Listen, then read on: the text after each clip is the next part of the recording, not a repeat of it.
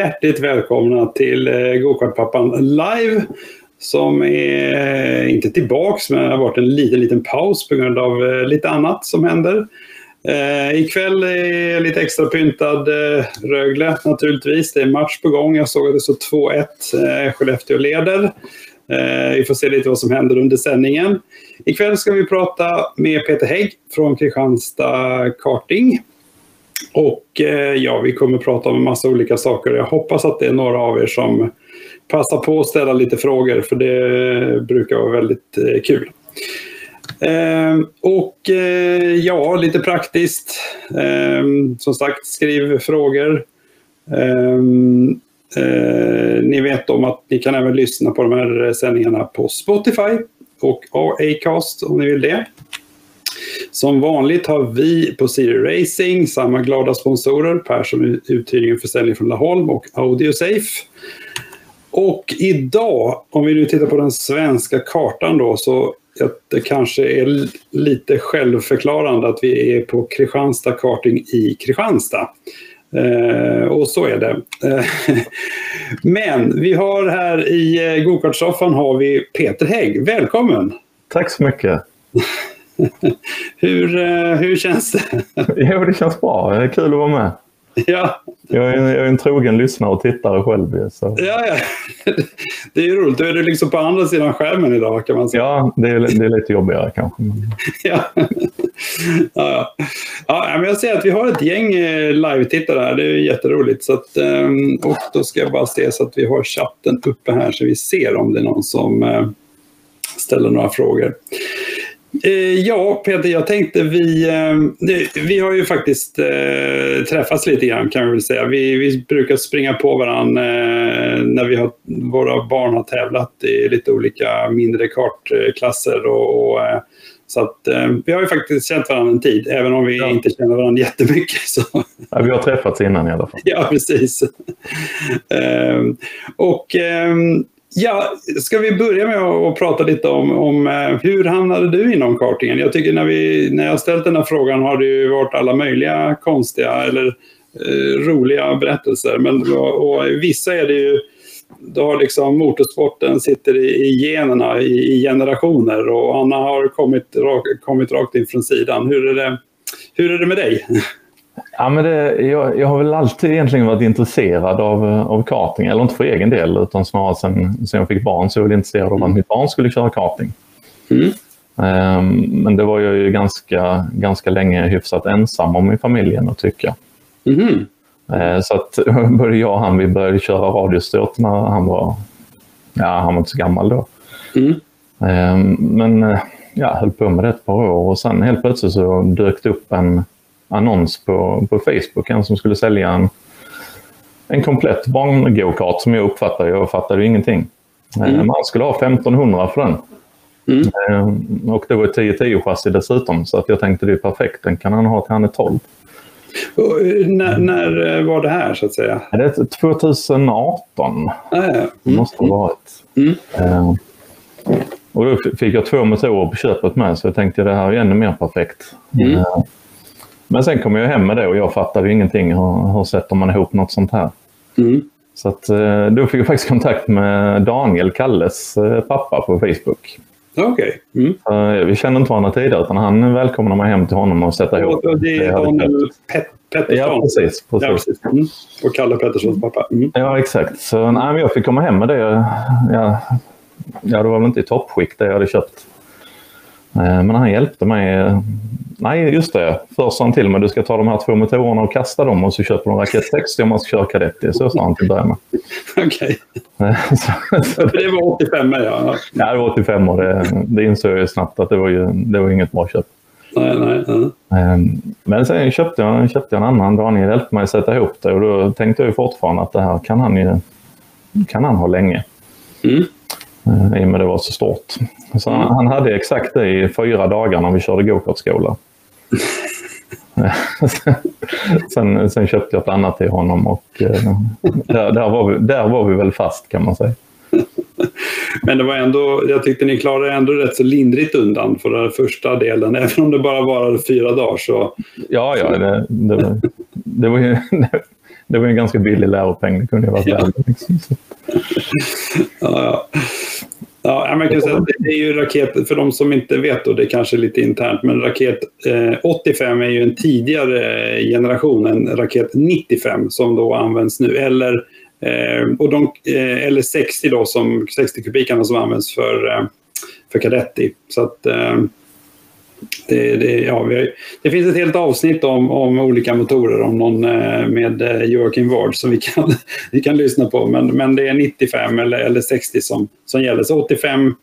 Det är väl tio år sedan den försvann. Ja. ja, ja. Ja, men, det, det, är bra. Men, eh, men, men, du nämnde för mig att du har ju också, du hade faktiskt kört en KZ. Så att, eh... du kommer ihåg att jag nämnde det? Ja, det sa du innan. Nej, men jag, jag, jag fick prova. Benjamin han tyckte jag skulle testa det i, i Kristianstad. Ja. Eh, och eh, när jag kört två varv så kallade han in mig och sa till mig att du kan ju inte köra i fyran hela varvet utan du måste växla ner ibland för att känna att den drar också. Eh, så, ja, men du, så vi körde ut ett pass till och sen så kom jag in och sa till honom, du frambumpern skrapar i backen. Då sa han, nej det gör den inte, hela karten skrapar i backen. Okej. Okay. Eh, och jag körde på runt 1.18 så det var ändå en hyfsad kadettid gjorde jag i alla fall. Ja, just det. Så att jag, nej, talang för karting har jag väl inte kanske. Men jag, jag brukar säga då att jag menar till Siri, om nu när hon kör. Jag, menar, jag brukar säga att din prestation är egentligen bara större för jag har ju inte lyckats hjälpa dig med någonting. Nej, men lite, lite så känner jag med när jag kör högkart med Leon när han spöar mig med fyra sekunder. Jag vet ja. vad, vad ska jag bidra med? Ja, ja det, då märker man att eh, det, det, är något helt annat när de, de som kan köra kart verkligen Alltså de, de bara flyger förbi oss andra. Ja, ja, ja men superintressant. Ehm, det, det, det, är verkligen, eh, och det är bra om någon liksom eh, är sugen på kart. Man måste alltså inte ha liksom tre generationers eh, rallyförare i släkten för att ge sig in i det här, utan man, man kan ta sig fram ändå. Men sen, sen är det ganska viktigt att poängtera med att det är, det är väldigt bra som, som förälder att testa. Jag har faktiskt provat DD2 också, det var lite mm. enklare. Mm. Mm. Men just att man, man testar och faktiskt vet vad, vad är det jag kräver av, av barn egentligen. Ja. För när, när jag växlar ner ettan i en, med DD2 i, i chikanen i Kristianstad och kör i 50 km i timmen för jag tycker mm. att fortare så här går det inte att köra. Nej. Och sen så gnäller man på han när han lyfter gasen lite och håller ändå runt 95. Ja. Mm. Så att, att, man får den förståelsen vad det, ja. vad det är faktiskt de presterar på banan tycker jag är en ganska mm. häftig upplevelse. Mm. Ja, nej, det ligger jättemycket i det. det det, det, är så himla lätt att stå vid sidan och tycka att uh, varför, liksom, varför släpper du gasen där? ja, men uh, det finns en anledning. Men sagt, var, du, får, du får prova KZ Kristianstad helt enkelt. Ja, ja, ja, vi får väl säga om, om du kör så, så, så lovar jag att prova också. ja, nej, men jag, jag kan utsätta mig en gång till. ja, det har varit några som har tyckt att KZ är ju, jag menar, Stefan Karlqvist och under den intervjun. Det var mycket KZ-snack där, så vi får se. Ja, det är säkert skithäftigt om man kan. När man kan, precis. Men vi ska ju prata Kristianstad. Ja. Eh, och eh, den här bilden här som jag har uppe här, den är ju från er hemsida. Mm. Eh, och jag tror faktiskt att den är ganska gammal. Jag tror den är från typ 2012 eller något sånt. Kan det stämma det? Ja, nej, inte 2012 kanske, men nej. 2014. Fjol, okay, ja. Eller, eller nej, men 12 kan funka. Eh, men det har hänt ganska mycket sedan dess också. Ja, precis. Men, men det, jag tycker bara det är en jättefin bild och jag menar den är, den är ju ändå... I princip ser det ut så här med depån och, och banan och campingen och så. Ja. Sen har ni ju byggt till eh, mycket annat, tror jag. Ja, det har tillkommit lite och depån har blivit lite större till också. Ja, just det. Och läktaren är inte med på Läktaren är inte heller med. Nej. Ja, just det. Mm. Så, ja. Lite har det hänt. Ja, nej, absolut. Det har ju hänt jättemycket där. Hur, hur, eh, hur blev det i Kristianstad för, för din del? Ja, men, som sagt, vi höll ju på, på tidigare med, med radiostort och det var ju så att eh, eh de, Kristianstad Kartingklubb ville ju bygga en radiostyrt bana. Så att det var så, så jag halkade in i klubben egentligen. Mm. Mm. Och sen så när vi väl började med karting, det var inte så långt senare, ett och ett mm. halvt år senare kanske, då var jag, var jag redan medlem i, i klubben. Mm. Så man var lite insatt i, i Kristianstad karting redan då. Mm. Mm. Och sen inför förra året så var det var några avhopp i, i styrelsen så att då, då fick jag frågan om, om jag var intresserad av att sitta med i styrelsen till 2020. Mm. Första frågan var som, var som ordförande då, men då kände jag att jag, nej, tiden skulle inte räcka till riktigt och mm. eh, lite för dålig kunskap om klubben med för att, för att känna att man skulle kunna göra det bra. Mm, mm. Eh, men däremot föreslog jag Magnus Hedman istället. Att jag tyckte han mm. skulle vara ett bra alternativ som, som ordförande. Mm. Eh, och sen tjatade jag lite på honom att du ska, du ska tacka ja till det, bara så du vet. Eh, och gör du det så, så kan jag tänka mig att vara vice ordförande i klubben. Ah, mm, mm. Ja, så, så blev det. Och i efterhand så var det, var det bra. Mm. För jag, jag och Magnus har, har ganska, ganska olika kunskap och kompletterar på, på ett bra sätt. Mm. Mm. Mm. Så att, nej, men det var så jag kom in, kom in i. Kristianstad karting. Ja, ja, kul. Nu när vi ändå pratar om, om eh, det är ju ändå ideellt arbete. Jag gissar att ni inte har några eh, styrelsearvoden i Kristianstad, eller det vet jag faktiskt inte om ni har. Nej, nej det har vi inte. Men eh, för att ja, vi är ju med i en, en ryttarförening också och sådär. Och, jag tycker man... Jag, jag, tror alla ideella föreningar har ju liksom det här... Man har behov av människor som engagerar sig. Eh, man har behov av liksom att folk hjälper till. Mm. Eh, och sen så finns det vissa saker som man naturligtvis måste ha extern hjälp med eller man måste köpa in eller man ska ha stöd av kommunen eller vad man, hur man nu liksom löser det. Men, men, men det bygger ju på att det finns engagerade människor som, som faktiskt vill lägga den här tiden. Ja, ja men det är, det är en förutsättning. Det, är, det gäller som du inne det gäller i alla föreningar, allt från ja. fotboll till karting. Det spelar ingen roll mm. vad man sysslar med. Så för, föreningslivet bygger ju på ideella insatser. Ja. Men om man säger, var, varför tycker du att det är kul att engagera dig? För jag tycker ju själv att det är kul att engagera mig i ideella föreningar. Men men var, var, varför tycker du det är kul?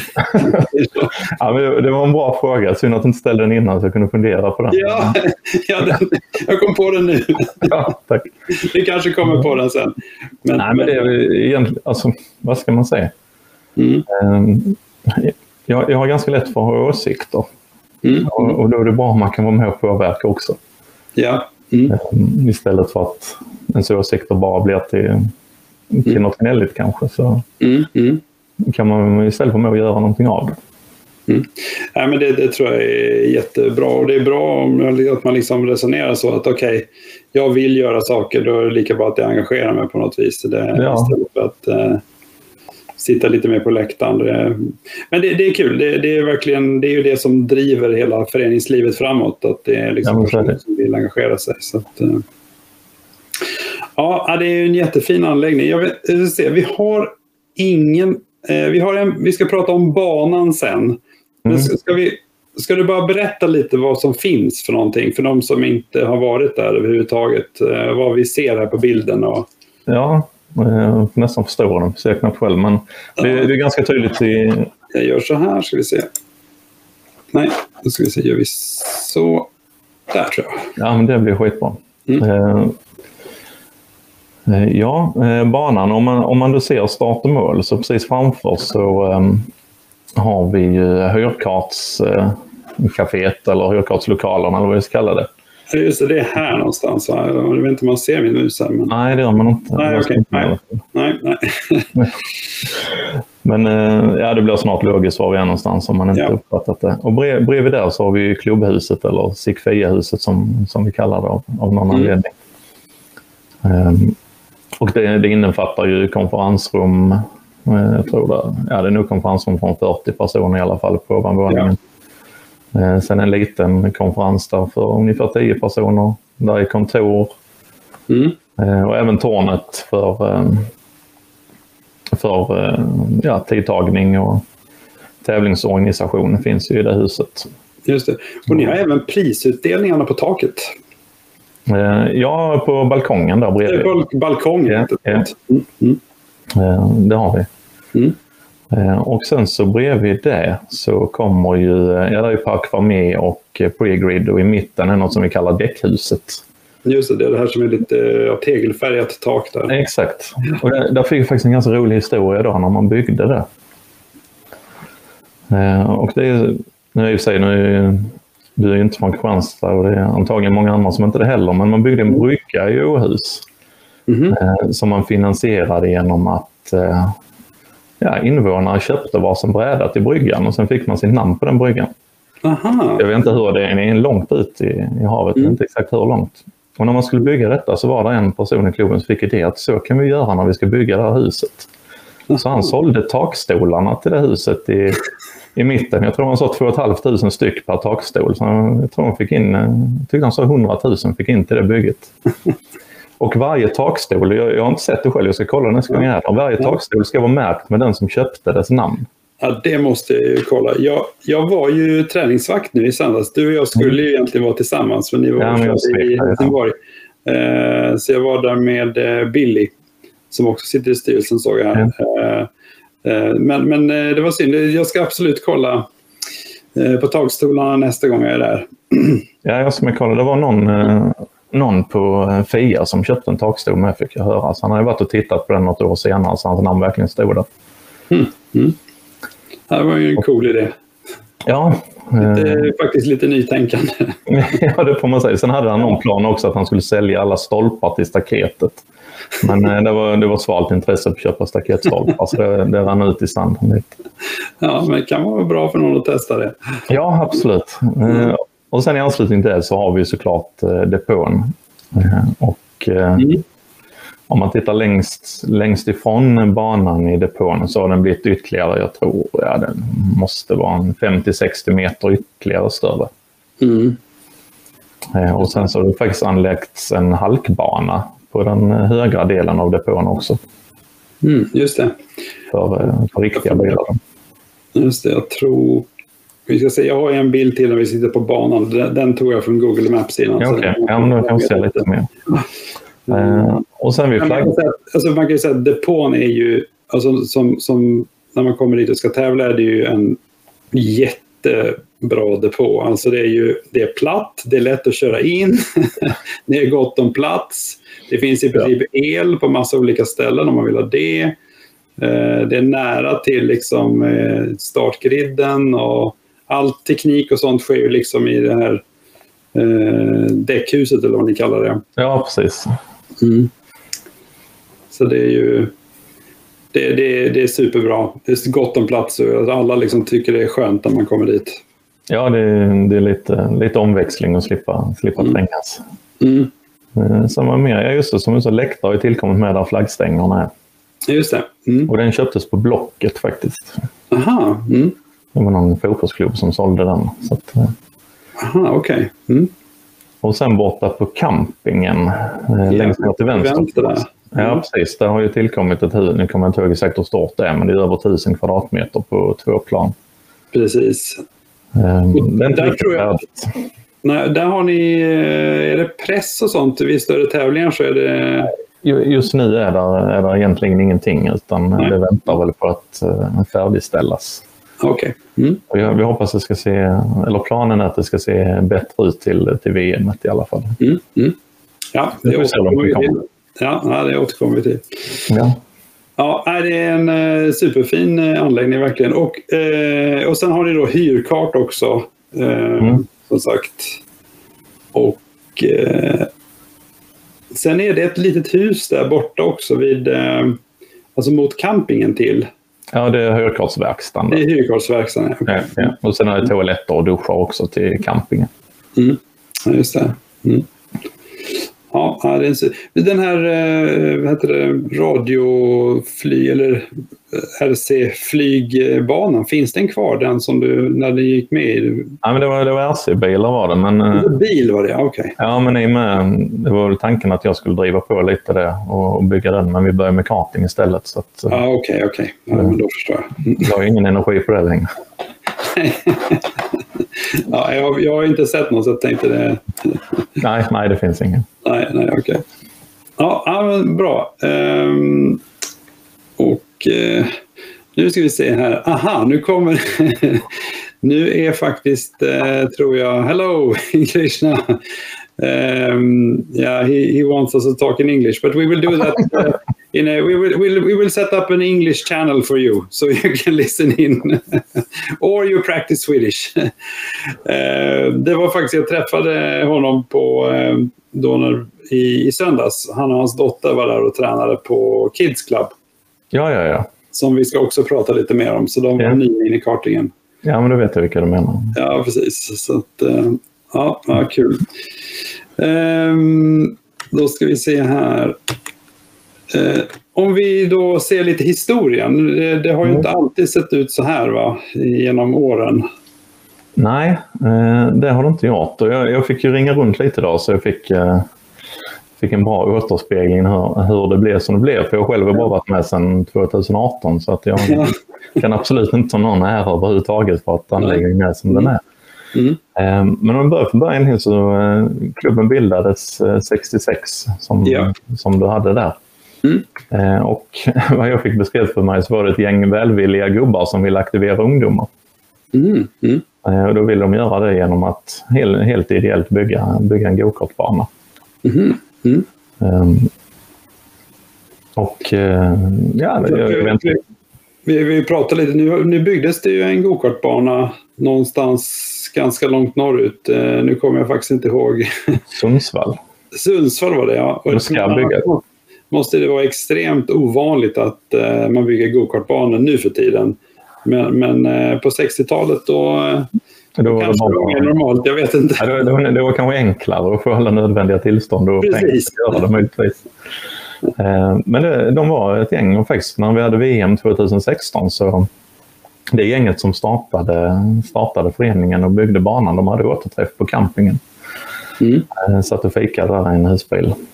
Mm. Att, mm. Jag tror det till och med var med i Kristianstadsbladet, just deras återförening. Ah, kul. Mm. Så de, de flesta, flesta är med i livet fortfarande som är och grundade, mm. grundade klubben. Men, och såg banan, alltså var bandragningen likadan då som den är idag? Eller var den så Nej. stor? Nej, eh, absolut inte. Utan, eh, det, det kommer vi egentligen till. Men om du hoppar bak i en bild. Ja, precis. Ska vi titta på kartan då? Det kanske, eller? Ja. ja. Och så ser man ju, det går en väg där i mitten framför mm. klubbhuset.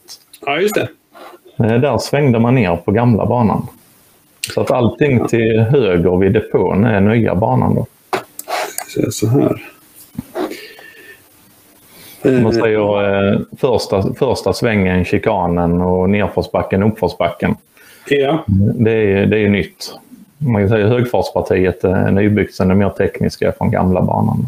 Okej, okay. så att eh, man, man svängde höger efter start och mål eller precis innan? Ja, jag tror start och mål var neråt på den tiden.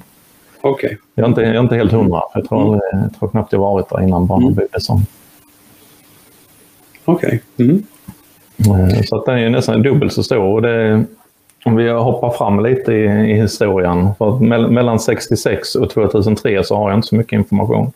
Nej. mm. Men uh, om, man, om man hoppar till, till 2003 så uh, då stod, stod klubben vid, vid ett vägskäl. Det var faktiskt så att det, det mesta, framförallt ekonomin, var så pass dålig så att man funderade på att sälja anläggningen. Mm. Eh, och eh, det var uppe på till och med på en omröstning på, på ett årsmöte och röstades ner att man skulle sälja den utan man skulle behålla den. Mm, mm. Eh, och istället för att sälja den så, så skapade man en vision hur man skulle, skulle ta sig framåt. Mm. Och ja, men blev, en, blev den klassens anläggning som det då har kommit till, till idag. Och det var 2003 då? Någonstans. 2003 ja. Mm, mm. Jag vet inte exakt hur långt fram den visionen eh, sträckte sig men eh, i alla fall när, när man började komma någonstans eller skulle börja komma någonstans så 2011 eh, så brann klubbhuset ner. Mm. Mm. På, på, det var på hösten 2011 har jag för mig. Så då, då blir det ytterligare ett att nu ska vi, ska vi satsa här men kommer motgång istället för att vi faktiskt kommer någonstans. Mm. Eh, men istället för att bli, bli knäckt över det så tog man istället beslut att nu, nu förändrar vi visionen och vi satsar ännu mer och vi satsar ännu tidigare. Mm. Mm. Och det var då som banutbyggnaden började också 2000, våren 2012 eller hösten 2011. Okej. Okay. Mm. Um, och eh, jag fick berätta att eh, det var, ju, var framförallt en person som, som låg bakom väldigt mycket av det, det bygget, för Yngve Persson. Mm. Eh, han bodde i husvagn flera, veck, flera veckor för att både dag och natt så schaktade han området för att man skulle kunna bygga, bygga ut banan. Då. Okay. Ja, det, må, det, måste han ha gjort på hösten 2011 för att det var vid, vid Grande 2011 så sprängde han vallen efter målgången i finalen med, med dynamit. Har jag fått. Jag, det är bara vad jag fått återberättat så att, um, det stämmer säkert. Det stämmer säkert. ja, vad häftigt. Och sen, sen var det folk som var där och jobbade var, mm. varje helg, mer eller mindre. Så Yngve han lånade ihop maskiner. 10-15 medlemmar kom sen och, eh, mm. och arbetade fredag till, fredag till söndag mer eller mindre. Mm. Mm. Eh, och Magnus han berättade att eh, Yngve han blev tokig för att istället för att arbeta med människor som kunde använda en maskin så arbetade han med 10-15 praktikanter. men, men det, det, gick, det gick ju framåt i alla fall. Det gick framåt. Ja.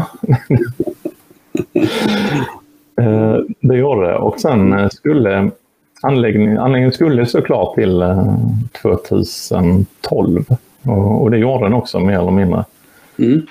För första tävlingen och Eh, invigningen av den nya, nya anläggningen då, mm. Eh, skulle vara med Rotax Euro Challenge. Mm. Det skulle vara klubbens första internationella tävling.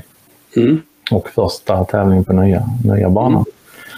Mm. Och det var ju så att när, när tävlingsledningen för, för Rotax kom, samma dag de kom så på morgonen så byggstädades klubbhuset. Okay. då hade det blivit färdigt dagen innan. och du vet tornet. Som, ja, precis. Du vet tornet som är där på, på klubbhuset, där högst upp, är ganska mycket fönster runt det. Ja, just det. Ja. Ja, två, två, veckor innan tävlingen så hade containern som de var lastade i hade de tappat nere i Holland, så de fönstren gått sönder. Oj! Att, eh, lagom till första tävlingen så var det byggplats, plats, plast, byggplast eh, istället för glas på, på tornet. Okej. Okay. Mm. Och eh, dag, dag två när, när tävlingen var igång så var det elektrikerna hade kopplat in strömmen till huset dagen innan tävlingen drog igång. Eh, och två andra dagen på tävlingen då var det en jordfelsbrytare som bröt ut och skickade ut 400 volt i varenda uttag i hela klubbhuset. Oj! Så det slog ut allting, datorer, allt. Jörgen han berättade att han hade tidtagning gissar jag på. Eh, och på 30 minuter senare så hade de tidtagningen igång igen och kunde fortsätta tävlingen. Imponerande. Och eh, dagen efter så var, var strömmen full, full gång i huset med. Så hade de töm, tömt hela Kristianstad på allt som, var, som behövdes. nya jordfelsbrytare och grejer. Ja, så att det, var, det var starten. Ny utrustning, nya datorer. Ja. Men det var, det var ändå häftigt för han som då promotade Rotax, han kom ju till en inte färdig anläggning när, för besöket för att lägga en tävling i Kristianstad. Ja, just det. Mm. Eh, men han, på något sätt så, så trodde han på klubben att klubben skulle hinna bli, bli mm. klara i tid till, mm. till tävling. Mm. Eh, och ja, men det blev man ju också. Mm. Eh, och den, den tävlingen är ju på något, förutom SM som hölls 2007 så är den tävlingen i alla fall starten på någonting ganska stort. Ja, verkligen. Mm. Ja, vad kul att höra det, för det har, jag har ingen aning om de här sakerna. Det Nej.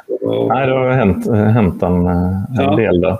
Mm. Eh, och eh, nu är ju detta året så blir ju tionde om, man, om vi räknar med att vi hade en tävling förra året där vi inte hade det, får vi inte bort mm. inställd, så skulle detta vara tionde året på rad som vi hade en, hade en internationell tävling i Kristianstad. Ja, det är häftigt. Och det är ingen, ingen annan arrangör som har haft FIA-event så många år i rad som vi har haft heller. Mm. Så att någonstans så är arrangemangen och anläggningen är uppskattade från, från de som ja. kommer och besöker klubben. Mm, mm.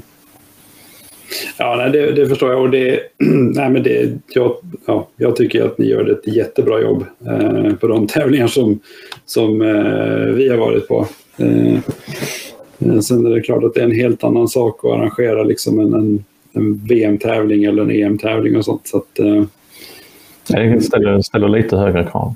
Ja, verkligen. Vi har ju pratat om det faktiskt när vi intervjuade Bengt eh, Söderberg som, mm. Eh, som är, är nu gäller det att säga rätt här nu. Han är tävlingsledare. Jag trodde du skulle säga domare. Nej, jag ska inte säga domare. Eh, jag kan ju bara säga att vi har ju, det är lite roligt, jag har, um, vi har, jag har ju fått en Anna här som tycker det är bra att jag har Rögle hand, eller halsduken på mig. Tack Anna. Sen så har vi ju faktiskt Kauko här eh, som, och hans fru Petra då, med barnen eh, Hugo och Klara om jag nu minns mm. rätt här. Som, eh, precis, som ju var också och körde i, eh, i, i, igår, ja. Idag är det morgon. Ja. Eh, så att, det var kul att ni också kollar här. um, om vi pratar lite om hur ni är, eller om det är något annat som du tänker just vad gäller historien som vi har missat här? Nej, jag, jag, tror inte det. Nej, nej, nej, men vi kommer kanske på något annat. Ja. ja. Um, ni, så här är ni organiserade just nu. Jag tror det är rykande färskt uppdaterat på hemsidan här. Varför uppdaterar jag för, vad var det, 45 minuter sedan? Ja, precis. um, och här ser vi ju då att Magnus Hedman och, och du, ni är fortfarande eh, ordförande och vice ordförande. Ja. Och sen så har ni liksom en, en styrelse där som, hur många är ni egentligen? I, elva stycken. Elva stycken. Mm.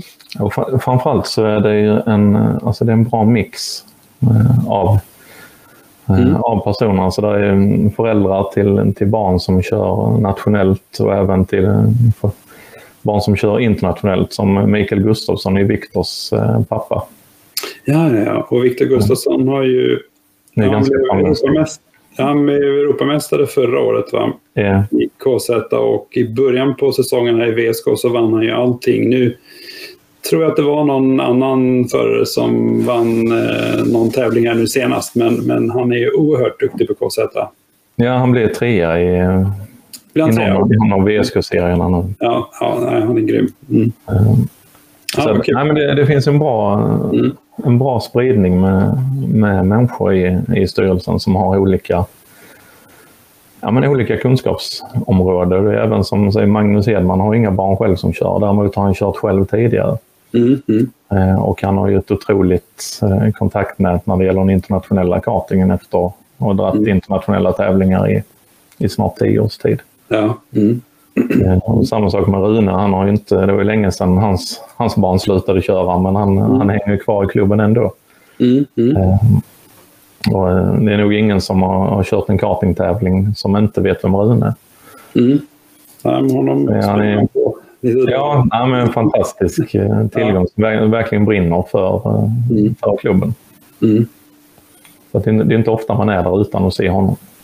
Nej. Men han var där i helgen också. Så att, uh... Ja, det förvånar mig inte. ja.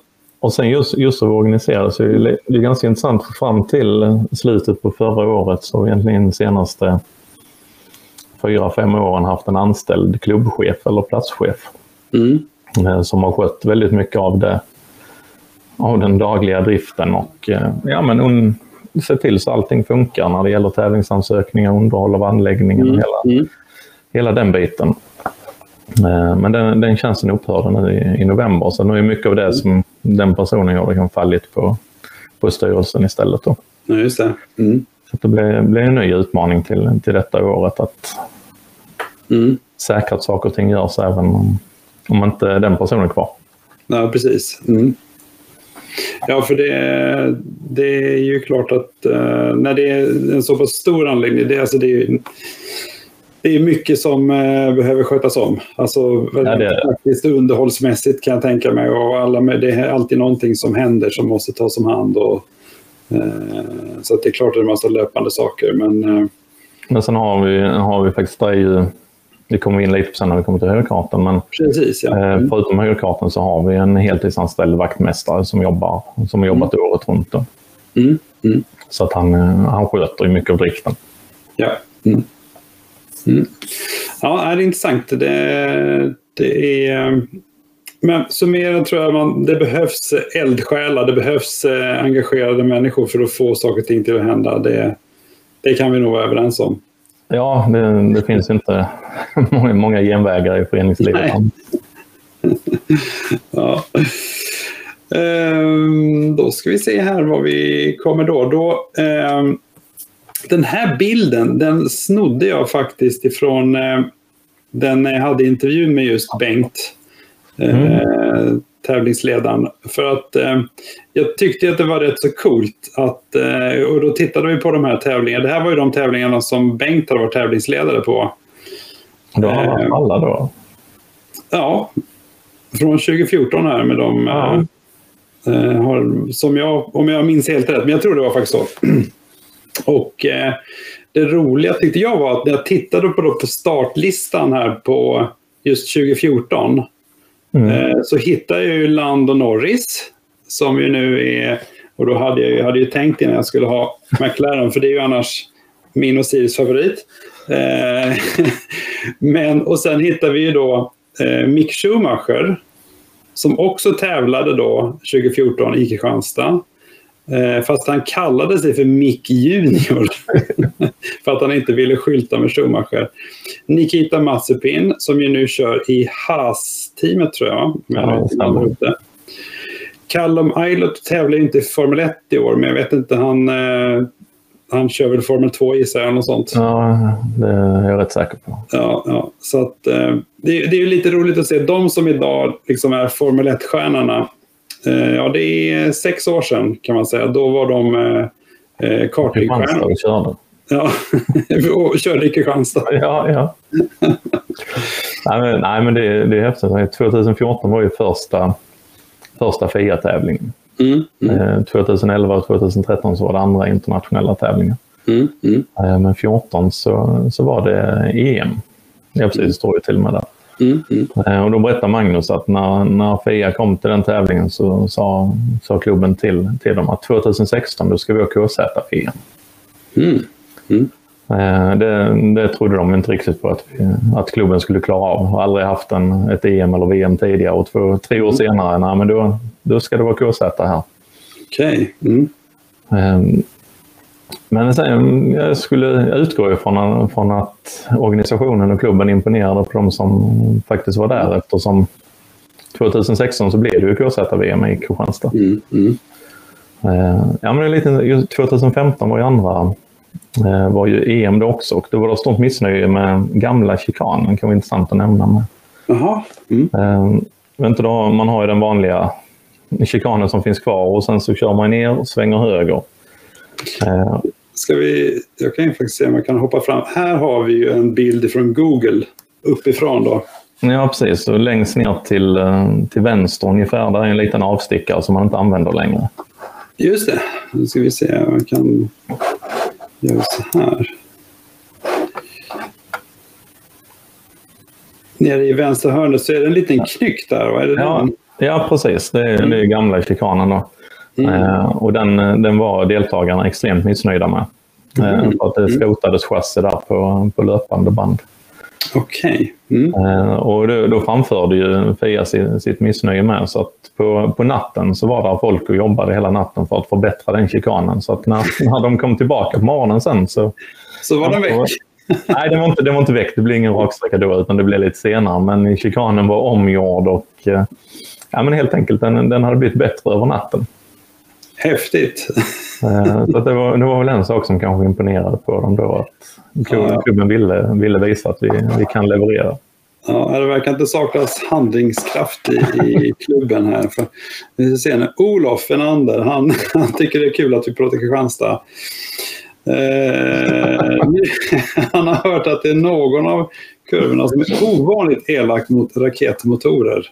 Ja, jag, jag, jag vet någonting om det? Nej, alltså jag vet att det kommer komma, komma en fråga senare om mina, mina misstag. Ja, just det. Eh, och just det här som Olof är inne på anser jag inte att är ett misstag av mig. Men frågar vi Jesper Nej, så kommer han säga att jag har gjort ett misstag. Men vi är inte riktigt överens där vad som faktiskt har hänt. Men vem sa du var du inte överens med? Att. Nej, men, men Jesper han påstår att jag har gjort ett misstag så att det är en korva som har varit elak mot mina motorer.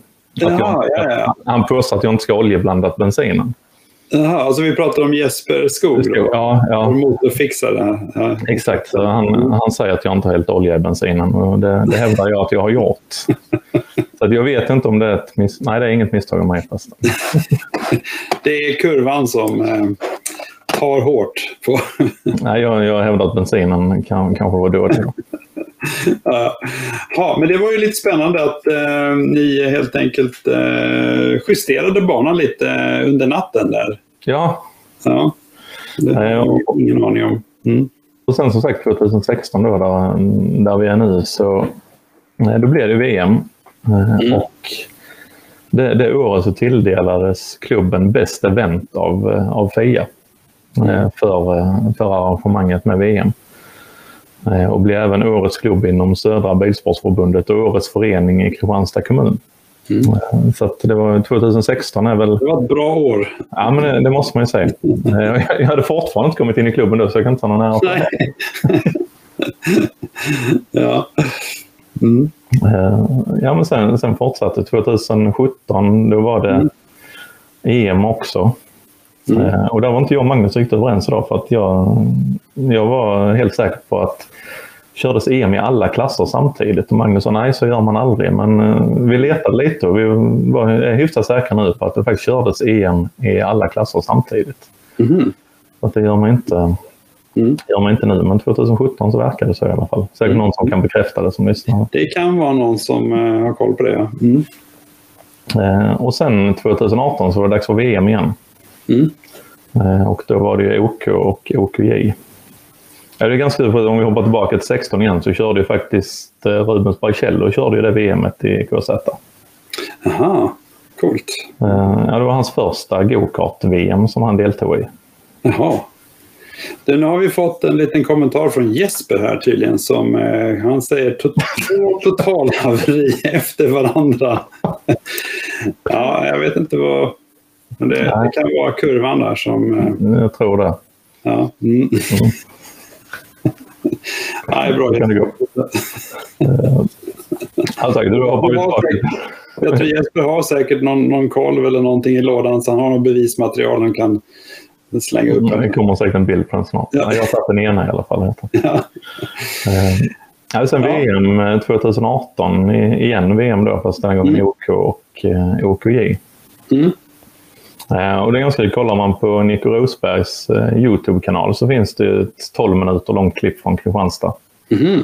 Mm. Där han bland annat berättar att han har landat i Kristianstad, the middle of nowhere, berättar han klart och tydligt. Ja, det får vi ju kolla upp sen. Ja, nej, för jag lägga ut på klubbens Facebook. Ja, men gör det. Det var lite kul att se. Ja. Mm.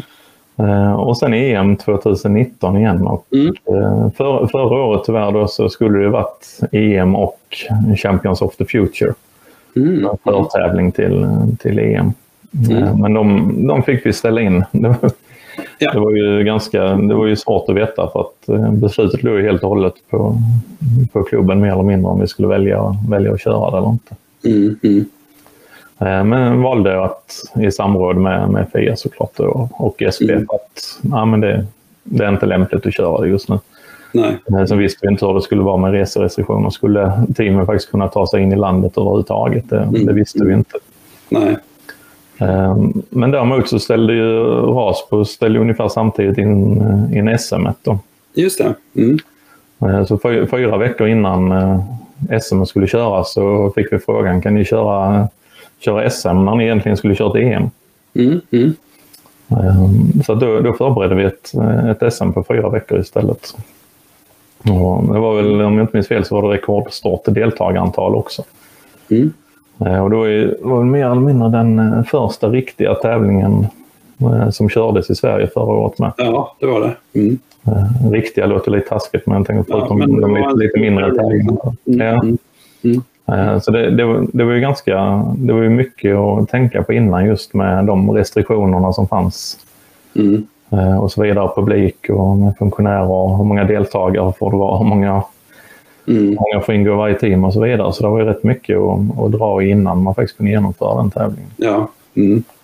Fördelen var att det var väldigt lätt att hitta funktionärer i och med att det inte fick vara någon publik. Just det.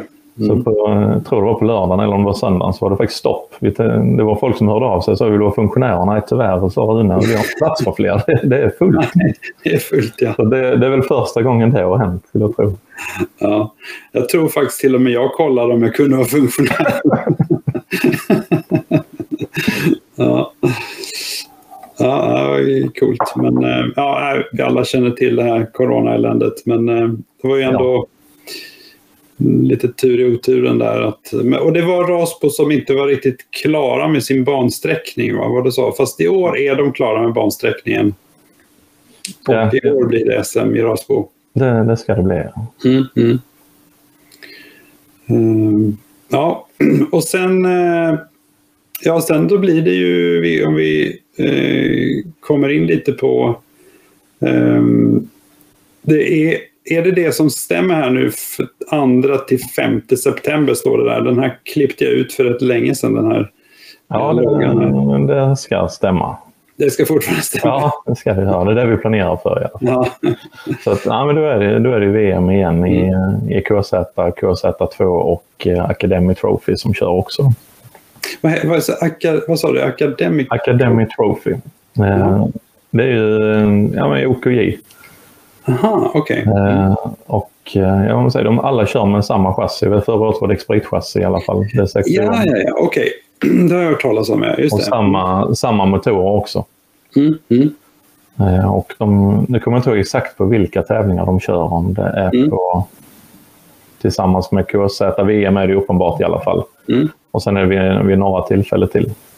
Yeah. För, mm. förra året så körde ju Albin Sturesson från Kristianstad Eh, körde det förra året. Var var det då? Var det Portugal eller? Ja, det var väl på två ställen. Jaha, okay. Ja, just det. De körde tillsammans med EM i KZ och KZ2 också. Ja. Så var det. Så det var det, det. Mm. Ja, då var det totalt tre tillfällen för mm. akademin förra året. Mm. Ja, och det är varje land som en, nominerar någon till att, att delta i, i den klassen. Just det. Mm.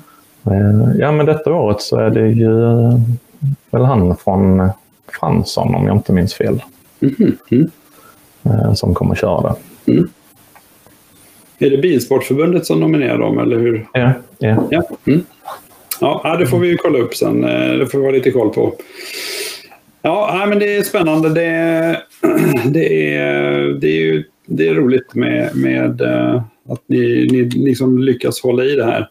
Eh, och liksom, vad jag förstod också så, så eh, du nämnde att alltså, FIA, har ju, förbundet, har ju frågat det. Om, när ni har varit lite sena med att säga att ni ska att ni ska ha en tävling så frågar de om ska ni inte anmäla Ja, men det är faktiskt två, två år i rad. Som till, till detta året så hade vi, vi hade inte sökt eh, VM till detta året. Utan när FIA saknade vår, vår ansökan så skickade de ett mejl och sa ni har inte sökt någon tävling, ska ni inte göra det?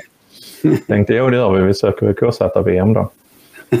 eh, och sen detta året så är det faktiskt så att eh, Magnus Hedman och Jesper Håkansson, det är de som drar absolut mest i, i de internationella mm, tävlingarna. Mm, mm. Eh, och de känner väl lite att de vill, vill trappa ner på det. Så att, det var lite anledningen att vi inte sökte någon till nästa år. Och Sen pratar jag och Magnus om det är konstigt att de inte har hört av sig. De kanske, ja men då är de väldigt trötta på oss nu. Mm, mm. Utan de, de vill väl lägga tävlingar någon annanstans. Ja, men då mm. kommer det ett mejl. Varför har ni inte sökt någon tävling nästa år?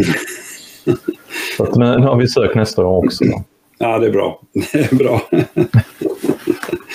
ja, men det är också en sak att eh, de här eldsjälarna, när de har liksom varit igång, det är klart att man, man får ju tänka lite på att man kanske ska ha någon som börjar ta över lite så att man kan hålla i det så att det inte blir eh, så tufft för de som ja, jobbar stenhårt. Liksom. Ja, men det, det, har vi väl sagt nu att nu, nu är det dags för, mm. för någon eller rättare sagt några personer att börja ta, ta över det ansvaret om vi ska kunna fortsätta ja. arrangera internationella tävlingar. Mm, mm.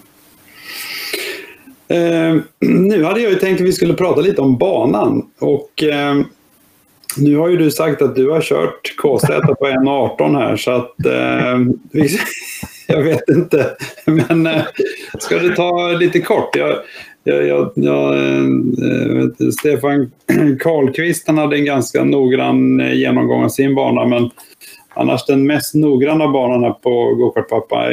Noggrannaste genomgången är väl Alex Danielsson. Han gick igenom Mantorp och eh, alla Akila-banorna. Det, det var lite drygt en timme. Eh, ja. Men jag vet inte hur, länge, hur mycket tid du behöver. Men, ja, jag, jag tänker en minut ungefär. Blir det, blir det, det lite rimligt eller? det låter rimligt. Jag tänkte vi ska, vi ska inte prata om vad man ska växla i KZ heller. Nej. um, Nej, sen, vi har start och mål här borta någonstans vid klubbhuset. Ja, ja, ja precis. Mm. Uh, och sen så kör ju, sagt, bägge mina, mina barn kör ju småklassaren dessutom. En, mm. Mm. En i mini och en i, ja, någonstans mellan kadett och mikro. Mm. Uh, så att hur man kör, hur man kör en storkart på den här banan, det, det har jag ju sämre, sämre kunskap om. Utan egentligen så, så långt min kunskap sträcker sig kring hur man ska köra på banan, det är att man, man i alla fall ska full, full gas genom första svängen och genom chikanen. Mm. Uh, har man inte det i, i småklasserna, då, då ska man börja ha det. Mm. Ja, där är jag nog ganska nöjd. Ja. ja, nej men det, det är väl en, det man kan säga är väl att det är en ganska, det är precis som du säger, alltså det är en ganska stor, det är en stor bana. Den är 1231 meter lång va? Tror jag. Ja, det, det stämmer. Ja. Och den är bred och jag tror att många av de som eh, kommer dit tycker att den är, alltså det är en stor bana liksom. Allting är lite större än många andra banor. Yeah. Och eh, eh den, eh, man, man känner att den är, den är liksom nästan gjord för stora kartan, brukar folk brukar säga. Liksom, att den är... Eh, men, eh, men jag, jag, håller med, jag kan inte heller någonting, men, men liksom det, det är ju en intressant kombination av högfartspartier och väldigt liksom, eh, eh, svåra partier. Jag, jag, kan ju bara tycka att det här partiet som är eh, borta, den så kallade hästskon, mm. är som, som eh, är ju lite speciell med den här liksom, eh, dubbel, dubbelvänstern som det säkert finns lite olika sätt. Eh, och det finns nog ett speciellt ställe då det är väldigt bra att ligga där, där, där det är det optimala fästet med, med däckrester i banan. Så att man får med sig farten sen då ut på eh, in i sista kurvan in till, eh till rak, raksträckan här. Eh, för sen där är det ju full gas hela vägen. De, jag tror väl en KZ är väl någonstans 150-160 i slutet på rakan här va? Ja, jag, jag tror det är någonstans ja. där.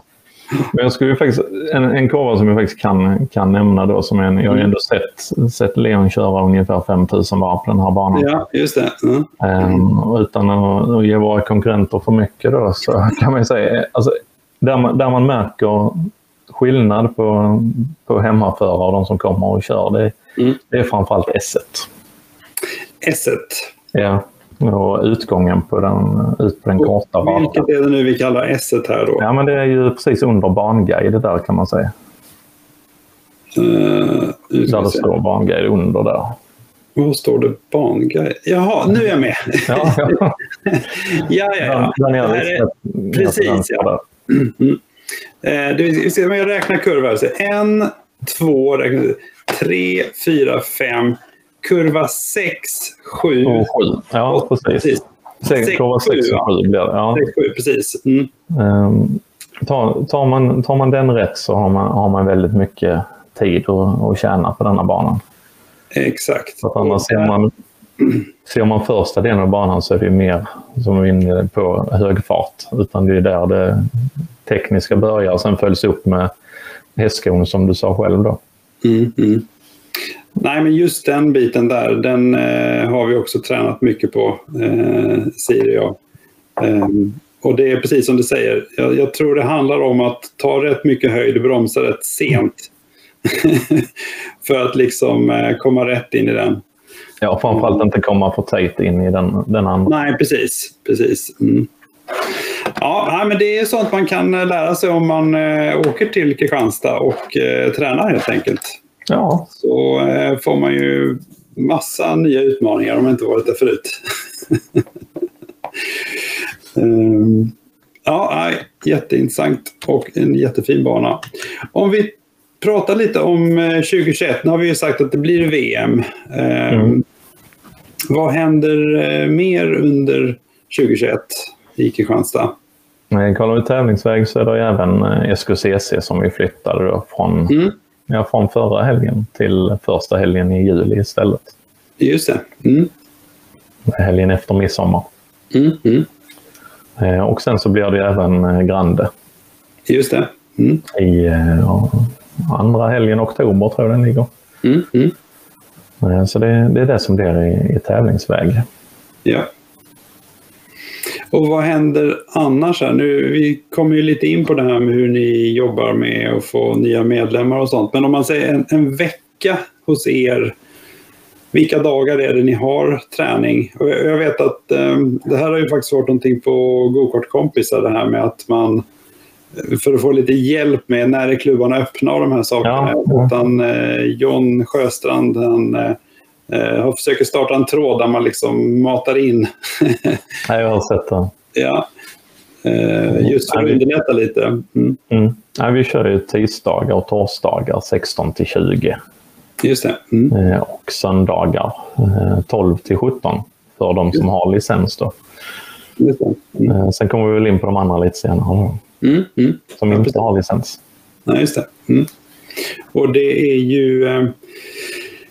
Eh, så vi kan ju passa på faktiskt. Vad, vad, vad kostar det att vara medlem nu? Om, eh, nu jag eller Siri är medlem och, och sådär ja. också. Så att, eh, vad, vad är priserna nu om man vill vara med i Kristianstad och vad, vad behöver man göra och så? Det är ju 300 kronor i medlemsavgiften. Mm. Och sen så är det 1500 kronor i, i träningsavgift. Mm. Eh, och då, då gjorde vi en, en förändring till, till detta året som eh, vissa kanske tycker är helt värdelös och andra tycker är jättebra. Mm. Eh, och det är att när man, när man löser träningsavgift och, och utnyttjar anläggningen så ska man även vara träningsansvarig vid två tillfällen. Just det. Mm. Vi, jag tycker vi har varit lite bortskämda tidigare. För tidigare så var det, an, eller inte anställd utan betald eh, träningsansvarig för något år sedan så att det låg inte det på medlemmarna alls. Mm. Eh, och vi har, vi har ju knappt några arbetsdagar heller utan det sköter ju anställd mm. vaktmästare till exempel. Mm. Eh, men till förra, redan till förra året så började vi med att medlemmarna skulle vara träningsansvariga och det byggde egentligen på frivillig basis. Mm. Eh, och då skulle man vara, vara en hel vecka. Eh, tisdag, torsdag och söndag. Mm. Eh, men det var, kände väl till detta året att no, någonting just gällande träningsansvar behöver vi göra annorlunda. Mm. Eh, för kör vi på frivillig basis år efter år då kommer det vara samma frivilliga varje år. Ja. Mm. Eh, och till sist då de som är frivilliga de, de tröttnar ju när de ser mm. att man, man behöver inte om man inte vill. Utan, mm. Så att då vill vi göra något, något annorlunda och då, då valde vi att man, det är obligatoriskt att, att vara träningsansvarig två, två dagar. Eh, men då kunde man välja två dagar helt fritt mellan mars och, och oktober. Just men det skulle vara en vardag och en helg? Var det så? Ja, precis. En, en vardag och ja, en, en mm. söndag. Sen så blir det lite justerat i och med alla söndagar tog slut. Så att, ah, okay. ifrån det lite. Eh, och sen så känner vi också att de, de som absolut inte vill vara träningsansvariga, mm. då gav vi dem möjligheten att eh, faktiskt köpa sig fria från att vara träningsansvariga. Mm. Mm. Um, och det, det, är några som har, som har valt att göra det, vilket är ju, mm.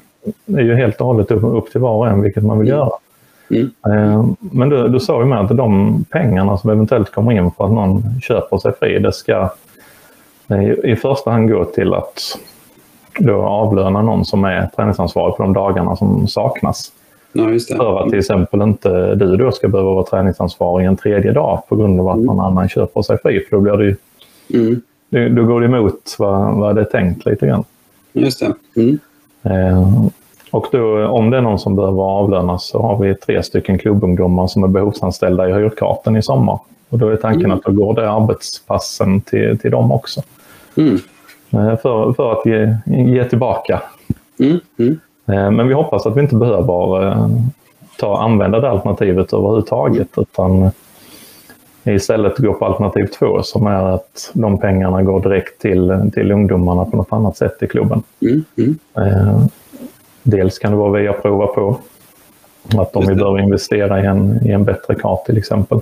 Mm, mm. Eh, men även, även de som faktiskt redan, redan finns i klubben. Och vi har pratat, alltså, pratat mängder olika, olika tankar vad man kan göra.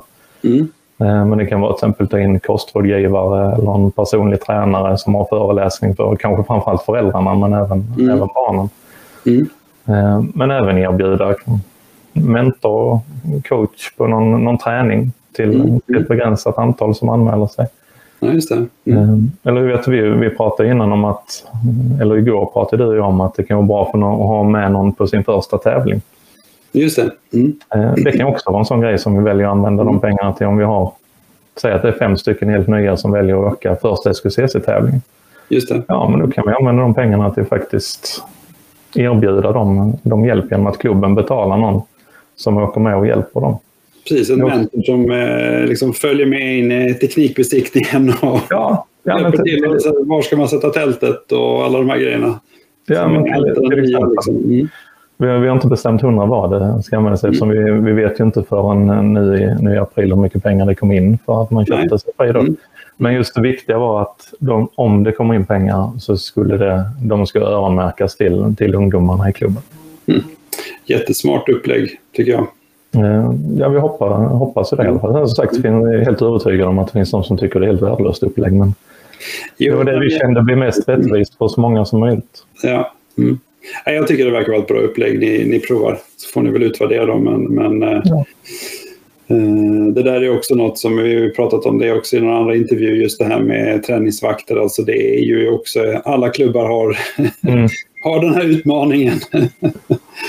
så att... Eh, Uh, ja, vad bra. Uh, vi ska se här vad vi har framåt, vad vi skulle ta. Vi, om vi fortsätter att prata lite grann om, om hur, ni, hur ni jobbar inom föreningen. Ni, mm. Hyrkart och klubben är ett kärt ämne som eh, många klubbar diskuterar tror jag. Ja. det är någon form av liksom lite hatkärlek mellan de här olika... Ja, och sen är ju båda, är båda beroende av varandra också. Exakt, exakt. Mm. Eh, men det är ju faktiskt så att eh, inför förra året så, så tog klubben ett, ett val att ta över driften av hörkarten själva. Mm. Eh, så vi säger att driva hörkarten med, med egna kartor och, och egen personal istället för att arrendera ut banan. Ja. Och det är ju det är ju ett projekt till att sköta mm. från föreningen så mycket kan man ju säga. Mm. Eh, men eh, det ger ju också fantastiska möjligheter för klubben att fortsätta utvecklas på, på sikt. Mm. Eh, dels, självklart så hoppas man ju på att det ger en ekonomisk vinning mm. för att kunna fortsätta investera i, i anläggningen i sig. Mm. Men framför allt så skulle jag säga att det vi, det vi har vunnit så här långt på det, det är att vi till, till 100% äger all bantiden själva. Just det. Mm. Så vill, vill vi köra en tävling på lördag eh, mm. så kan vi göra det. Nej, det kan vi inte just nu på grund av corona. Då, men det, I vanliga fall så hade vi kunnat välja. Kan göra det, just det. Ja. Mm. Mm. Och det kanske man kan också om man nu har någon annan som driver det, men det är ändå en lite större fråga. Man, ja, man, ja. Det jag egentligen menar eh, vi kan göra det utan att involvera en tredje part. Ja, precis. Mm, mm. Uh, då, naturligtvis står ju också att om uh, tredje part som har, har högkartan, om de blir av med sin högkartstid så måste de ju ha ekonomisk kompensation för det. Ja, precis. Mm, mm. det, det, är ganska logiskt. Mm, mm. Uh, men nu, nu, kan vi välja att göra egentligen vad vi, vad vi, vad vi vill med barntiden. Och är det ett stort intresse att det är 20 stycken som hör av sig men vi vill komma och träna på lördag. Ja, är det inga bokningar så kan vi lika gärna få inkomsten genom att folk kommer och tränar som att vi kör ja. på lördag. Mm. Mm. det viktiga är ju, som vi ser, är att utnyttja banan så mycket som möjligt. Mm. Och jag tänker nu när du säger det, ni har ju kört några så kallade transponderträningar här nu. Mm. Eh, vid några tillfällen då och som sagt, då är det träning men man har transponder på vilket gör att man kan se lite grann hur, hur de andra, vad de andra har för tider. Vilket ju är lite kul liksom när man ligger och tränar. Ja. Veta, är, är, är, är man snabb eller man... eller tror man bara att man är Ja. och det har ni gjort då, eh, fredag, lördag, söndag, va? eller hur, har det varit så? Eller hur har ni... Nej, tidigare eh, så körde vi nu sist hade vi träning hela torsdagen och sen ja. så transponderträning då fredag, lördag för alla klasser. Just det. Mm. Eh, men nu fick vi ganska mycket inspel från eh, framförallt KZ och DD för det var som att det var kanske inte helt optimalt för dem att vara, jag tror de var 15 i varje klass, så att det blev, det blev mm. inte riktigt, riktigt bra för alla. Mm. mm. Så att då valde vi till nästa tillfälle nu i maj så kör vi öppen träning för alla på, på fredagen och sen så delar vi in klasserna på lördag och söndag så att alla klasser kör för sig själva. Okej. Okay. Mm. Så att ingen, ingen eh, samkörning och klasser utan alla, mm. alla kör tillsammans. Naturligtvis blir det tre KZ och fem DD2 så kan man ju komprimera. Men ja, just det. Mm. Mm. Eh, grundtanken är att alla har en egen tid och sen även förlänga tiden lite. Vi körde 10 minuters pass. Mm. Eh, effektiv körtid så tror vi man kunde förlänga den till ungefär 13 minuter istället. Så att, mm. det blir, blir, lite mer körtid under, eller mm. per pass rättare sagt. Ja, just det. Och det här med transponderträningar känns ju som att det, det är ju någonting som jag tror flera klubbar gör just för att man vill, eh, men vi har inga, vi har inga tävlingar utan men, men man, det gör ändå att det blir lite roligare när man ligger och tränar. Ja men det blir det. Helt plötsligt mm. så får man ju lite av den här tävlingspulsen när, när man Precis. faktiskt ser hur fort alla kör. Exakt. Mm. Bara ligga, ligga och nöta varv utan att veta hur det går. Det, det blir inte lika roligt i längden. Mm. Nej, men precis. Så att, ja, det, har det varit uppskattat. Det var väldigt stort deltagarantal nu i, i april som var. Ja, alltså alla jag har hört som, som har varit där har varit eh, supernöjda. Sen körde ju eh, Helsingborg körde ju också en eh, transponderträning här i helgen så jag tror mm. att eh, det är nog säkert flera klubbar som kommer att och liksom göra det eh, vid olika tillfällen. Så att, eh, det var faktiskt eh, Jockes förslag att köra det från början. Ah, Okej, okay, okay. Jocke Ward. Mm. Ja, precis. Mm. Han, han sa till att man kan inte köra det vid några tillfällen. Så sa vi, mm. ja men det kan vi väl göra. Mm. Så vi, vi, ska inte ta hela äran för att vi kommit på det utan vi, vi, vi snodde idén helt enkelt. Snodde idén. Eller han gav den till oss. Den gav, ja men vad bra. Ja. ja, vad kul. Nej men det, det tror jag, ja, som sagt, det har varit väldigt uppskattat. Uh, av de som har varit där. Vi har lyckats missa det. Det har varit uh, konfirmationer och jag vet Men ni, ni kom ju nästan vid första tillfället. Nästan, ja, precis. Men det var konfirmationen igen. ja. ja Siris konfirmation är klar här nu om några veckor så att, uh, sen blir allting normalt igen. ja, det är ju skönt. Fokusera ja. på rätt sak. precis. Ja, det är inte Siris favoritsyssla där kan jag säga, men vi får väl se. Um, Um, om vi då går över till uh, lite närliggande saker. Mm. Fler medlemmar och, och, glada. Jag skrev här, um, hur, hur gör ni för att få klubben att växa? Då? Fler nya och glada gamla. Ja, man, man, måste kanske fokusera på bägge. Liksom. Ja, men, jo, det bör man, bör man göra. Mm. Uh, sen så är ju såklart nyrekryteringen är ju det absolut mm mm. viktigast kanske inte ska säga. De, de som redan är medlemmar är också viktiga. Men mm. Mm. Eh, man vet ju de som är befintliga så är det alltid någon som tröttnar och någon som slutar och någon som ja. är för gammal. Så har, man, har man inte nyrekryteringen då, då är det ju tufft. Precis, ja. Mm. Eh, och då, då, har vi ju framförallt eh, egentligen två saker. Mm. Eh, och det, det, första är ju tiden på söndagar mellan 10 och 12 som vi kallar Kids Club. Just det. Mm. Eh, och det, det, är ju en tid som inte är organiserad träning via klubben utan mm. mer, man kan säga att det är en hyrkortstid. Mm. Eh, mer jämställt med den, men en träning där, där man kan komma och köra med, med det man har för att prova på. Mm. Eh, och då, precis som hyrkort, inget krav på att ha licens heller. Mm. Och du säger tidigare så har det varit ja, allt, allt från Puffo till DD2. De har inte kört tillsammans såklart. Men Mm. Eh, till detta året så har vi sagt att den tiden är för, för barn och ungdomar. Mm. Eh, vi säger att köper du en KZ så då är inte den tiden för dig att köra tyvärr på. Mm, okay. Eh, man, man får nyttja den vid ett tillfälle och det är för, för uppkörning till licens för att visa att man kan köra. Okay. Mm. Det har vi sagt nu att det är det, det är det som tiden är för vuxna, annars är den till, till barnen som vill lära köra sig gokart. Mm, lära, mm. lära sig köra gokart kan man säga. Ja. Mm, mm. Um, och då kör man där helt kostnadsfritt vid, vid tre tillfällen. Mm. Och efter tre gånger så bör man eh, medlemskap i klubben för 300 kronor om året. Eh, för att nyttja den tiden fram till man då tar, tar licens. Då får man inte nyttja den längre sen. Uh. Jag, jag, tycker, jag, jag, alltså jag har ju sett att det står Kids Club i kalendern. Men jag har nog aldrig riktigt uh, vetat vad det var för någonting. Men det lärde jag mig nu i, igår. Då. Ja. Men, men jag tror att den, det, är nog, det fyller nog en väldigt viktig funktion just om man nu tänker, uh, om vi har nu det var ju då några som var helt nya att prova på Eh, mm. som dök upp i söndags som vi då hjälpte. De fick testa då, eh, ni har ju två stycken Cadetti som man kan testa. Mm. Och eh, just om, man då, om det då tycker att ja, det här var kul.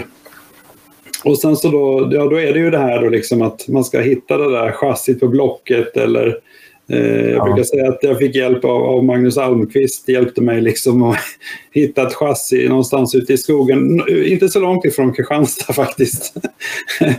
och, eh, och någon motor hittade han uppe i Linköping och sådär. Så och så, så står man där då med, med chassit och motorn och med lite tur så får man ihop det och sådär. Eh, och så är liksom, jaha, vad gör vi nu då? ja, men så, jag känner igen det. Ja, och då är det ju väldigt bra att komma till den här Kids Club-tiden då. För det är liksom mm. precis det där. Jag har precis... Jag tycker det är kul. Jag har skaffat min första liksom, kart. Ja. Jag har inte licens än. Men jag vill ut och, och köra ja. lite. Liksom. Ja, jag har inte, när man precis köpt sin första gokart så vet man knappt om att man behöver en licens. Nej, precis. Nej, men det, det, är, om någon berättade för en så vet man. Ja. Annars har man ingen aning. Nej, nej precis. Så, nej, men den, den tiden fyller, fyller en väldigt viktig funktion. Mm. Mm.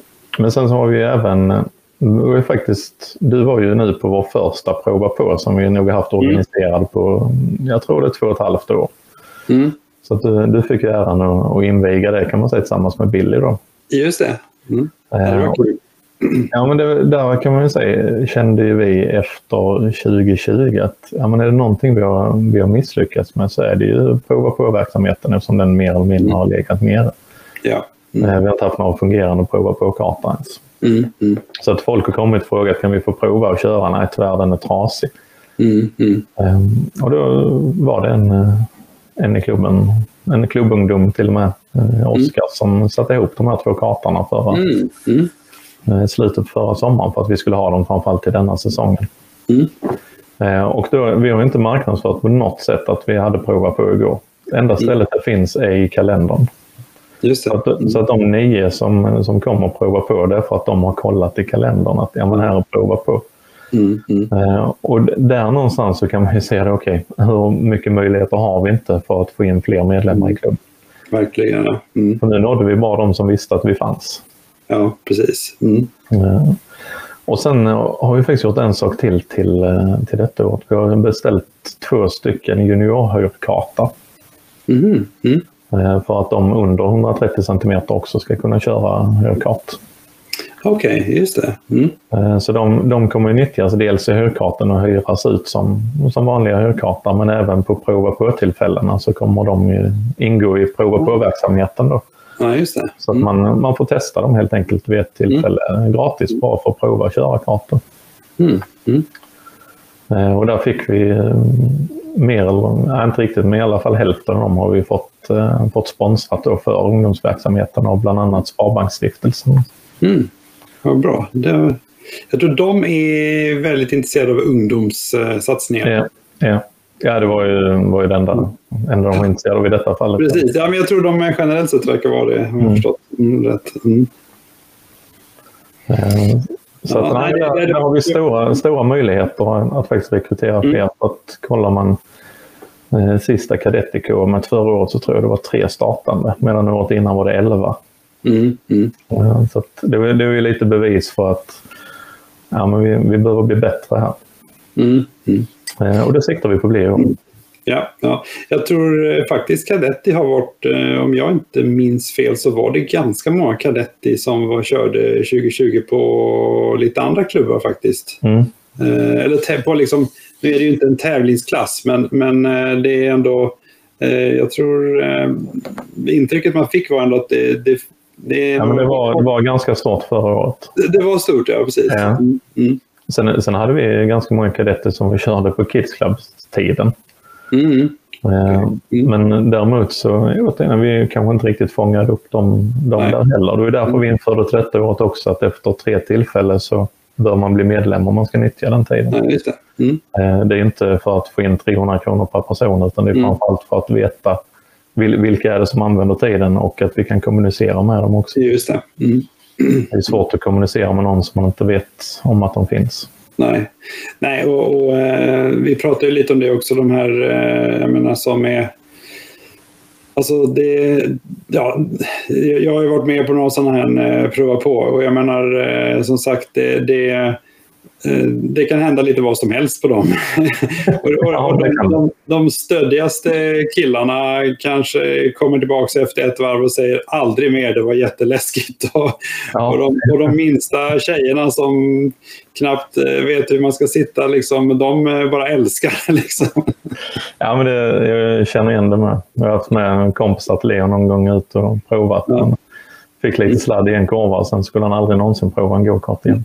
Nej men precis, det, det, det, kan gå lite hur som helst och nu senast det var någon tjej som eh, blev jätteledsen för att det lät så mycket. Jag, jag har faktiskt också varit med på en annan prova på att eh, ja. en som tyckte att det var fruktansvärt ljud. ja, men där, därför är det ju ganska bra också att vi faktiskt tar upp prova på-verksamhet för då, då kan man ju prova på innan du går och lägger x antal tusen på en karta. Precis, precis. För att ditt barn ska sitta och vara ledsen på att det låter för mycket. Alltså det blir, inte, det blir ja. inte riktigt bra. Nej, nej, exakt. Nej, men det kan verkligen hända precis vad som helst. Där. Det, ja, men det är kul. Eh, och, eh, ja, Puffo fick man också lov att köra. Jag, jag, jag ja. kände ärligt talat inte till vad en Puffo var för någonting förrän Jesper Skog berättade för mig för två år sedan. För att ja. hans barnbarn var ute och körde Puffo. Eh, och, och, du berättade faktiskt att ni hade haft ett gäng Puffo. Till och med en, en, eh, en tvååring med nybytt blöja. Ja, men det var två och ett halvt var, var han nog De, de bytte blöja på honom precis innan han skulle ut och köra. Det var, var bland, bland det häftigaste jag sett. Nu sprang pappan med, med ett uh, rep bakom så han skulle inte kunna köra. Nej, precis. Det var, det, var, det var väldigt säkert utfört. Var det då. Ja, ja, ja. Eh, men vid ett tidigare tillfälle så var det, jag tror det var fem puffer samtidigt på samma träning. Jag tror, jag tror aldrig, knappt det varit så många puffer på samma ställe tidigare. Så det går, man kan starta tidigt med karting är väl ja, det, kan man göra. Säga. Mm. Ja. Uh, ja, men det var ju egentligen nya, alltså nya medlemmar. Sen, sen har vi de, de glada gamla också. Som, Just det. Mm. Uh, som vi såklart vill, vill behålla, behålla mm. i föreningen. Mm. Um, och det, det är svårare att veta vad man, ska, vad man ska göra för dem än vad man ska göra för nya. En ny medlem mm. räcker att man hjälper dem att dra igång en kadetti så de är nöjda med att vara medlemmar mm. i Kristianstad. Mm. Men har du, har du varit medlem i tio år så är det, det är svårare att veta vad, klubben behöver ja. göra för att göra dig nöjd. Um, men det, det jag tycker blev, blev bättre förra året var att vi började kommunicera på ett lite annorlunda eh, sätt utåt. Alltså efter varje styrelsemöte en gång i månaden ungefär så gick det ut informationsmail till, till medlemmarna vad som faktiskt händer i föreningen och vad, mm. vad har vi beslutat och vad, vad kommer hända och vad kommer inte hända. Mm. Uh, ja, men lite, ja, men det var, jag kan ju känna att när jag själv var medlem att det saknar man lite att veta vad som, vad som händer i klubben. Ja. Och känna, känna sig lite involverad istället för att bara höra ja, men jag har hört detta ryktet. Mm. Uh, så istället för att informationen kommer. Till exempel som när vi flyttade vår, vår SQCC nu så gick det ut mejl till alla medlemmar innan vi gick ut på, på Facebook med att vi kommer att flytta. Det. Mm. Mm. det fick jag, det mejlet. Ja, ja vad, vad bra. Då gick det fram. Mm. Men sen, sen även försöka uppmärksamma de förarna vi har i klubben som kör både, både nationellt och internationellt på ja, men vår Facebook och Instagram till exempel. Mm. Att eh, ge, ge, ge, dem lite uppskattning tillbaka för att de kör för Kristianstad kartingklubb. Yeah. Mm. Eh, förra året så hade vi var mellan 25 och 35 deltagare från Kristianstad på varje, varje SQCC. Ja. Mm. Eh, totalt var det väl över 40 olika förare som deltog på SKCC-tävlingar från Kristianstad. Mm. Eh, nu har jag inte jämfört med de andra så egentligen vet jag inte om det är mycket eller lite men det känns mycket i alla fall. Det, jag är helt övertygad om att det är mycket. jag tror det. Och dessutom så var det, var sju stycken totalt som placerade sig i topp tre i de olika klasserna i, mm. i SKCC. Så det är många, många framgångsrika förare som, kom, som kommer mm. från, från Kristianstad med. Både, både nationellt som gör bra resultat men Mm. Även internationellt som vi var inne på tidigare med, med just nu Viktor Gustafsson. Mm. Mm. Eh, som, ja, som vi sa, sa tidigare vann, vann EM förra året och placerade sig trea nu i VSK här och. Är ju, får ju ses som en favorit i VM i september. Verkligen ja. ja det, det kommer bli otroligt spännande att se, eh, se honom köra. Ja, sen är det inte bara han som är hemma för att VM utan det är även Noah Milell som Jag tänkte precis säga det. Eh, Benjamin om han kommer att köra. Mm. Mm. Det var ju faktiskt VM förra året på, på kvar tidskörningen så var ju Viktor etta och Benjamin tvåa.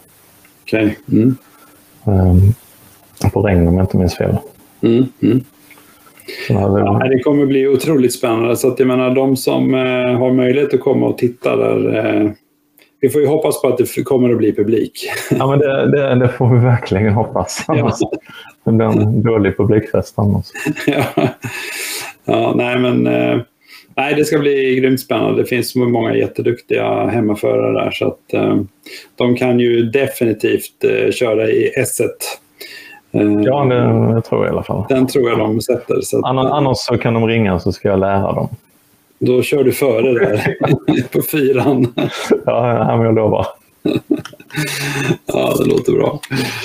Um, om vi pratar lite generellt då, eh, liksom klubbar. Jag vet, jag ställde nog samma fråga också till Stefan Karlqvist där på Järfälla. Lite vad, vad, är det någonting som du tycker när du tittade runt omkring och jag menar man har ju lite koll på klubbar man är runt och tävlar och så.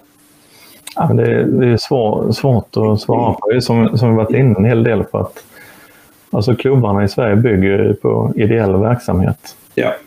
Så att en, en klubb kan egentligen inte utvecklas mycket mer än vad, vad medlemmarna vill att investera i sin tid. Mm, mm.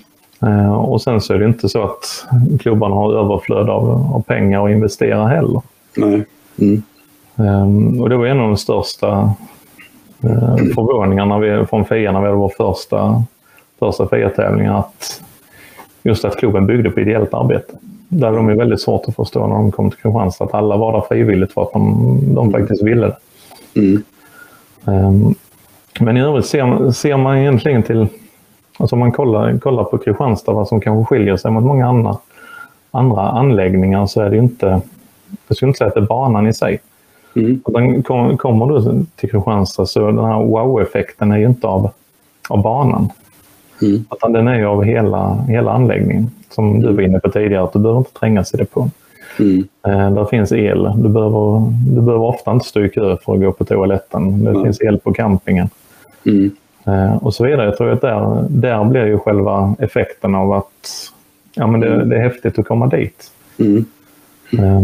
Men sen förstår jag också att alla kan, kan inte bygga likadant för att det, bygger på ideella krafter, ja. Eh, ekonomi och att det finns utrymme och platsen att faktiskt bygga på. Ja. Mm. Eh, men framförallt, om vi återgår till din fråga kanske då. Så, mm. eh, framförallt så tror jag att alla klubbar gör, gör otroligt mycket bra saker men det syns och hörs inte. Nej. Eh, och däremot att vi, vi är nog för dåliga på att samarbeta och, och mm. hjälpa varandra med, mellan klubbarna. Mm. Ja, men det, här, det här gör, gör Helsingborg bara, ja, men då, då snor vi det rakt mm. av. Mm. Uh, utan att vi ja, men blir bättre på, på att ta hjälp av varandra och, och hjälpa varandra och våga be om hjälp också. Mm. Uh, nu vet jag, Helsingborg och Klippan är ju... Mm. Där, där är det ju tajt och där utgår från att man gör det. Men ja. mm. uh, det behöver inte begränsa sig till, till mellan två klubbar. Utan att man, man överlag blir bättre på att ha kontakt med varandra. Ja, nej, jag, jag, jag, tror du är inne på något eh, väldigt, väldigt bra där. För att jag, men det, är ju, det är precis, alla har ju samma utmaningar. Men jag tror också som du säger att eh, eh jag känner igen det här lite grann från Ryttarföreningen som är mm. engagerad mm. också. Det här med kommunicera med medlemmar och, och eh, berätta vad som faktiskt händer och vad som inte händer och de här sakerna. Eh, men också, alltså faktiskt så, jag är väldigt glad när, när du när vi pratades vid här eh, för inte så länge sedan om att vi att fick göra en intervju med dig. För att jag, jag har faktiskt velat göra intervjuer med eh, just med klubbar. Eh, mm. För att för att man ska liksom få en...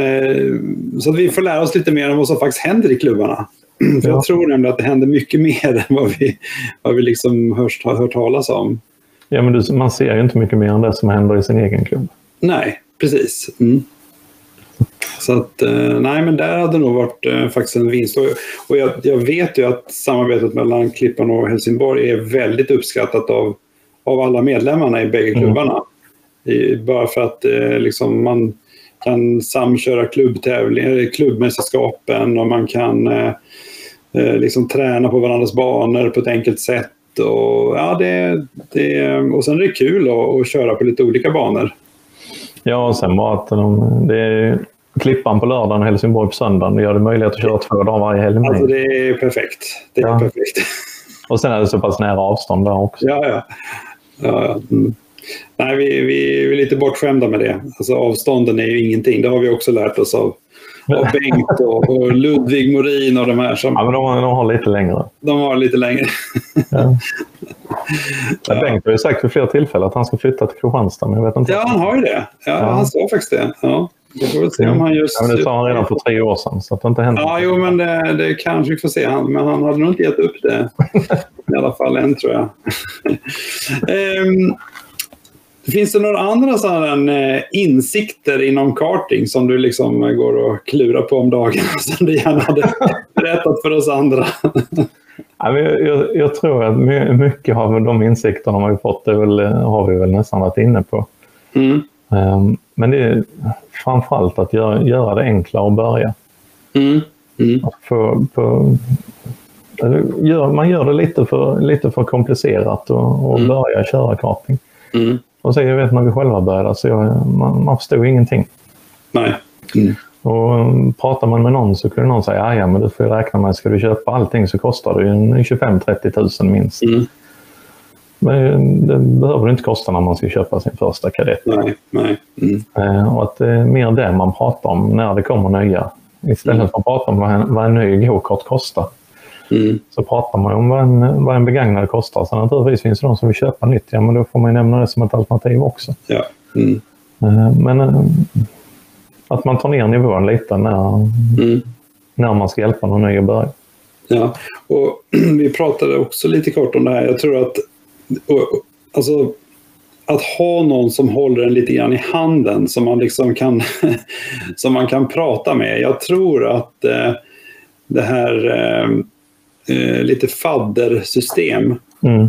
Eh, att man liksom får, när man då är helt ny, att man kanske säger att någon lite erfaren i klubben eh, är lite fadder eller kontaktperson. Liksom när det dyker upp frågor, ring då till den här personen.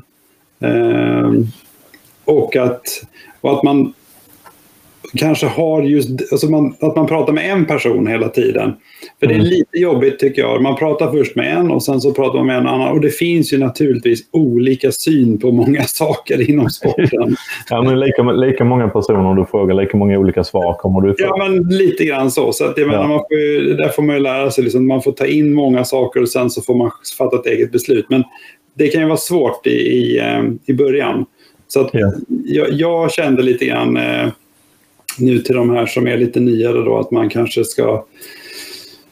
Man säger ja, ring mig om du vill och så kan vi liksom ha en liten dialog. Eller, eller som, som några har sagt, jag tror Ludvig Morin och några andra har sagt, alltså hyr in liksom någon, någon, eh, någon 15-16-årig duktig förare liksom, ja. som kanske är med på några träningar. Ta, ta en gång i månaden någonting och så, eh, och så ha, ha kontakt med den den killen eller tjejen hela tiden. Mm. Så att man liksom får lite... Eh, så att det inte blir så många olika alternativ för en. Liksom. Ja, men att man inte ska behöva lära sig allting själv utan att man, man kan få hjälp att lära sig istället. Ja, precis. precis. Så att, uh, där uh, tycker jag kanske uh, klubbar hade kunnat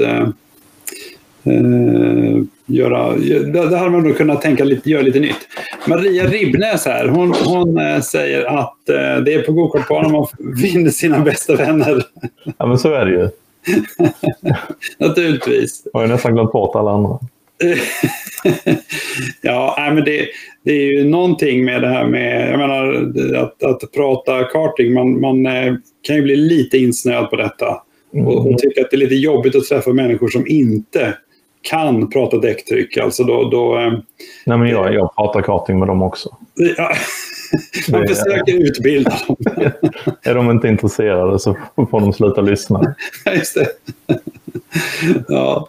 Nej, men det är, det är klart så att man träffar många trevliga människor inom karting. Det är både förarna och föräldrarna så är det bara liksom jag tänkte vi går in på en sån lite klassisk fråga som ett ja. misstag här. Har du... Ja. Du, ja, det, det, var ju någonting med den där eh, raketen och haveriet, men det, det, var inte det du räknade som något misstag? Utan nej, nej, jag, jag hävdar ju fortfarande att mm. det inte var ett misstag av mig. Ja, självklart. Eh, mm. Jag hällde ut bensinen sen och såg jag att den var oljeblandad. Perfekt, tydligt, så. Perfekt. då är det bevisat. Ja, ja, ja jag, jag anser det i alla fall. Mm. Mm. Ja, var, var, ska man börja? Det, alltså, Nej, det, det, har blivit, det har faktiskt blivit, vi har inte hållit på så länge, vi har kört två år. Det har blivit, det har blivit lite eh, för, för många. Men som tur, mm. som tur är inte vid så viktiga tillfällen. Mm. Eh, förutom vid SKCC-finalen förra året då, mm. Mm. i Kristianstad. Mm. Eh, och då var det ju faktiskt så att han hade en bra möjlighet på att ta tredjeplatsen i SKCC. Mm. Så, I vilken klass är vi nu? nu är vi... I mini. Mini, mini precis. Ja. Mm. Mm tror han behövde vara fyra poäng före Hampus Varis om jag inte minns mm. fel. Mm. Eh, och eh, jag, hade faktiskt hjälp på den tävlingen också av Dennis Larsson. Jävligt duktig mm. på, på meka, vilket gör det här ännu mer tragiskt. Då. Eh, vad, vad Dennis han säger till mig, Peter du har två uppdrag till imorgon. Det första var att jag skulle byta soppaslang, vilket jag inte förstod överhuvudtaget. Jag tror det var bara för att han skulle mm, få mig att göra någonting. För att jag såg ingen mening med att byta soppaslang. Men jag gjorde det i alla fall. Han ville mm. väl att den skulle vara ren. Och sen skulle jag byta gasvajer. Okej. Okay. Mm. Eh, men det, det, tyckte jag lät rimligt att jag skulle göra mm. det. Mm. Eh, så det, det gjorde jag. Mm. Eh, men jag glömde spänna den. Oh. Så, att, så han klarade ju, för, klarade träningen gick ju bra.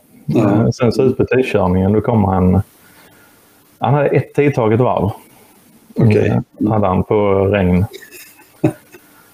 Och den, den tiden blev typ 15 av okay. man startade var närmare 30 startande. Mm -hmm. eh, och Hampus han kvalade femma då. Så redan där då, då var han inte nöjd med sin, sin mekaniker. Nej. det, är, det, det, är det tråkigaste jag har gjort än så länge. Ja, alltså man vill ju sjunka genom jorden när det händer. Ja, men fruktansvärt. Daniel här eh, vill påminna ja, om några spindelbultar. Ja, men det, det var ju, alltså det kan man ju knappt kalla misstag för det var ju i helgen och det får ju räknas som träning. Eh, nej, men det var ju, alltså... Jag, jag, vi kollade igenom framvagnen till helgen. Vi tänkte att det kan ju vara någonting som är trasigt för att han har ju mm. kört bort mycket med den. Så det, det, var ju en del som var, var skevt och lite glapp och så. Så vi fixade allting tillsammans med Benjamin då. Så att den, mm. den var helt hundra till i söndags. Jag kände mm. så gött han har en fräsch kart att köra med. Mm kom, kom han in efter första träningspasset och säger alltså det känns som hjulet hoppar när jag kör. Jag bara, nej det, det är som du inbillar dig. Mm. Kör en två pass till. Och, alltså det, det går inte att svänga med den. Men, alltså, vi har ju fixat allting. Tidigare så borde det inte gått att svänga med. Nu går den perfekt. Ja, men då hade jag, var det en, en eh, spindelbull som inte var spänd, så den glappade med en och en halv centimeter ungefär. Mm. Men han tog sig igenom tre pass i alla fall. Så det var, det var men, men något som är lite fascinerande. Alltså, de här förarna känner ju i princip allt som vi gör på ja. kartan. Liksom. Ja. Och om de nu säger, just när de säger att det är något som inte känns bra, men då är man liksom, jo, det gör det. Ja. För jag har minsann skruvat åt allting. Ja, jag hade det, spänt täcket liksom. Ja. det, är märkligt alltså. Och nu har vi Maria Ribnes, hon påminner om någon gasvajer i Klippan. Det känns som du har mycket att berätta här. Det kommer ta en stund här.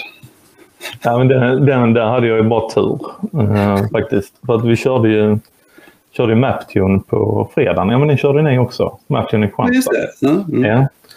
Uh, och där låg ju um, Sandberg och Siri låg ju fightades mm, mm. Eh, om fjärdeplatsen där. Så det, det. var ju jättebra för Leon, kommer jag ihåg, för då ryckte han ju ifrån på precis, tredje. Precis, precis. Så efter, efter halva finalen så kände jag att alltså, han är ganska, ganska ohotad nu, för de ligger ju fightas där. Mm. Och så stod jag i alla varv och tänkte hoppas ingenting går i sönder. Mm. Alla sa till mig, men alltså tror du det ska ramla ner liksom en sten i huvudet på dig också? Alltså det är klart inget går sönder. Så, nej, men någonting kan gå sönder. Men ingenting gick sönder. Mm. Så det var skitbra. Och så drog vi till Klippan dagen efter och körde Rookie Cup. Mm. Eh, ut på första träningen i, i Klippan på Rookie Cup. Ett och ett halvt varv, sen går gasvajern av.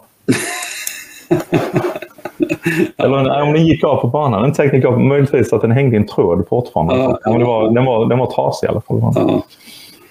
Ja, det, just gasvajrarna har jag faktiskt inte haft så mycket. För, för Siri har det varit mycket bromsarna. Det, det har varit vår stora grej. Att, eh, jag, vet inte, jag har ju typ luftat efter varenda hit. Liksom. Eh, så det, det, har varit den, eh, den stora grejen.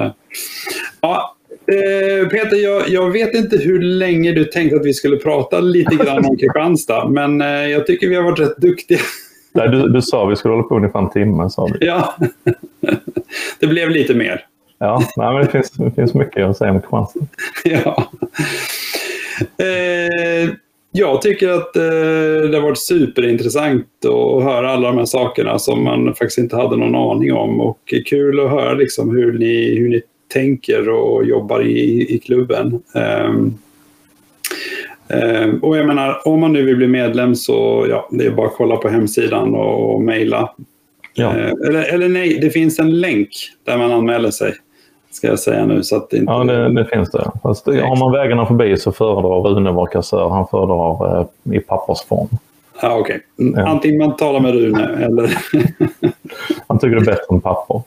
Ja, okej. Okay. Ja, ja. ja, men det är bra. Eh, eh, ja, vi, jag har ju frågat lite innan då om vem man skulle vilja intervjua, men jag tyckte det passade bra. Och jag tycker det faktiskt vore väldigt roligt om det var andra klubbar som ville Antingen om de kontaktar mig och, och säger att vi vill gärna berätta om vår fantastiska klubb. Eh, men eh, vilken klubb skulle du gärna vilja veta lite mer om, Peter? Ja, men jag, det var en som dök upp i huvudet direkt och det var ju, pratade vi lite om innan, och det var ju Sundsvall. Ja. Mm. Som ska bygga en ny bana. Ja, det hade varit spännande. Ja, mm. faktiskt att veta alltså hur, vad, vad krävs det innan? Mm. Hur mycket tid har de faktiskt fått lägga för att ja, men mm. komma till skott med att nu ha tagit ett beslut att vi, vi ska bygga en bana. Just det. Mm. Att, eh, det. Det tycker jag har varit intressant att höra om. Ja, för det är ju verkligen någonting nytt. Eh, mm. Och, och, just att höra lite hur de, hur de resonerar. Ja, men det ska jag, jag ska absolut eh, kontakta dem. Det, det är ju eh, lite, lite svårare nu att få tag i folk. Alltså det, man märker att då i, i vintras när vi drog igång, liksom, då ja, mörker, det, det, var, alltså det var mycket lättare och, och alla kände liksom att eh, man hade tid och så. Nu är det ju det är rätt mycket på gång nu. Liksom, så att, eh, men, men jag tror definitivt att vi kan få tag i någon ifrån Sundsvall och intervjua dem. Ja, men jag tror det. Mm.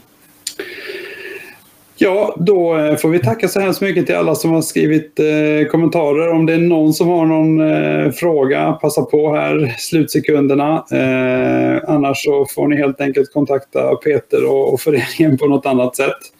Ehm, jag ska ta en titt på hur det gick i hockeyn. Jag vågar knappt trycka på den där fliken där uppe. Ja, de skrev ju något innan att de behövde supporten, så jag gissar på att de ligger under. Ja, ja precis. Mm. tack så hemskt mycket Peter. Häng kvar här så länge. Jag kommer att stoppa livesändningen här, men eh, vi kan eftersnacka lite också. Ja. Tack så jättemycket.